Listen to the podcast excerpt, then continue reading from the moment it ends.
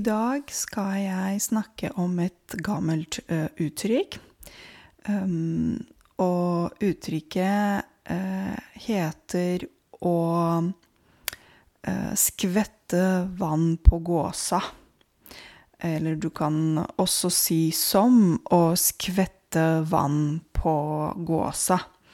Og å skvette betyr å sprute og mm, kaste eller sprøyte f.eks.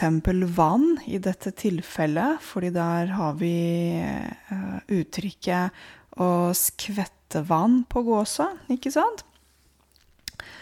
Uh, dette verbet å skvette heter i preteritum skvettet, og presens perfektum har skvettet. Så å skvette, skvettet har eh, skvettet. Eh, dette uttrykket eh, er brukes også som for eksempel å Som å prelle av på gåsa. Og det betyr egentlig det samme. Å prelle er prellet og har prellet i preteritum. Å skvette vann på gåsa betyr at man um, gjør noe som er helt uh, nytteløst.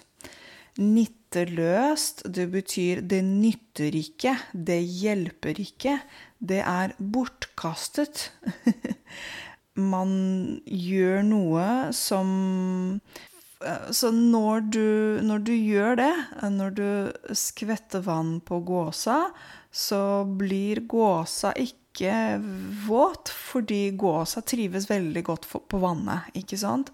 Og når du gjør det, så ser man at vannet bare preller av uh, gåsa fordi gåsa har fjær på kroppen. Ja, vi mennesker har hud og hår, men uh, dyr uh, som uh, gjess, uh, har egentlig fjær på kroppen.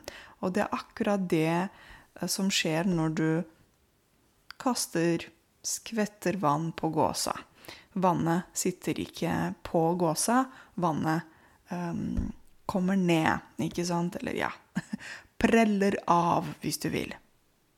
Til dere som har gått glipp av episoden om eh, gås og gjess, dere kan høre på uh, miniepisoden som er nummer 75, OK? Og kakle og snadre og rope, ikke sant? Der hvor jeg snakker om gakk-gakk. det er miniepisode eller minipodkast 75. Men tilbake til uh, saken. Så sånn er det. Det er et gammelt uttrykk. Det brukes fortsatt. Man kan lese artikler om det, man kan høre det på radio, uh, på podkaster, på TV osv. Men det er som sagt litt gammeldags.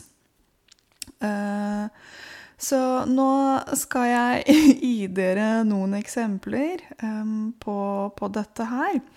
Så for eksempel hvis jeg sier um, Å få sønnen hans til å spille fotball er som å skvette vann på gåsa. Han liker ikke fotball. Ok, Det var det første eksempelet. Ja, du kan gjøre hva du vil, men du får ikke denne gutten til å spille fotball. Det er nyteløst, og du kan prøve mange ganger. Det er bortkastet tid. Eksempel nummer to. Argumentene til kollegen vår skvetter som vann på gåsa. Flertallet har blitt enige om å flytte kontorlokalene utenfor byen. Og siste eksempelet, og denne gang så vil jeg bruke eh, å prelle av som vannet på gåsa. Eksempelet er bondestreiken virker ofte å prelle av som vannet på gåsa hos regjeringen, men ikke hos de fleste nordmennene. Så der er det å, prelle av som vannet på gåsa. Som betyr å skvette vann på gåsa. Jeg ønsker dere en veldig fin dag videre, og så høres vi um, i neste episode igjen. Ha det!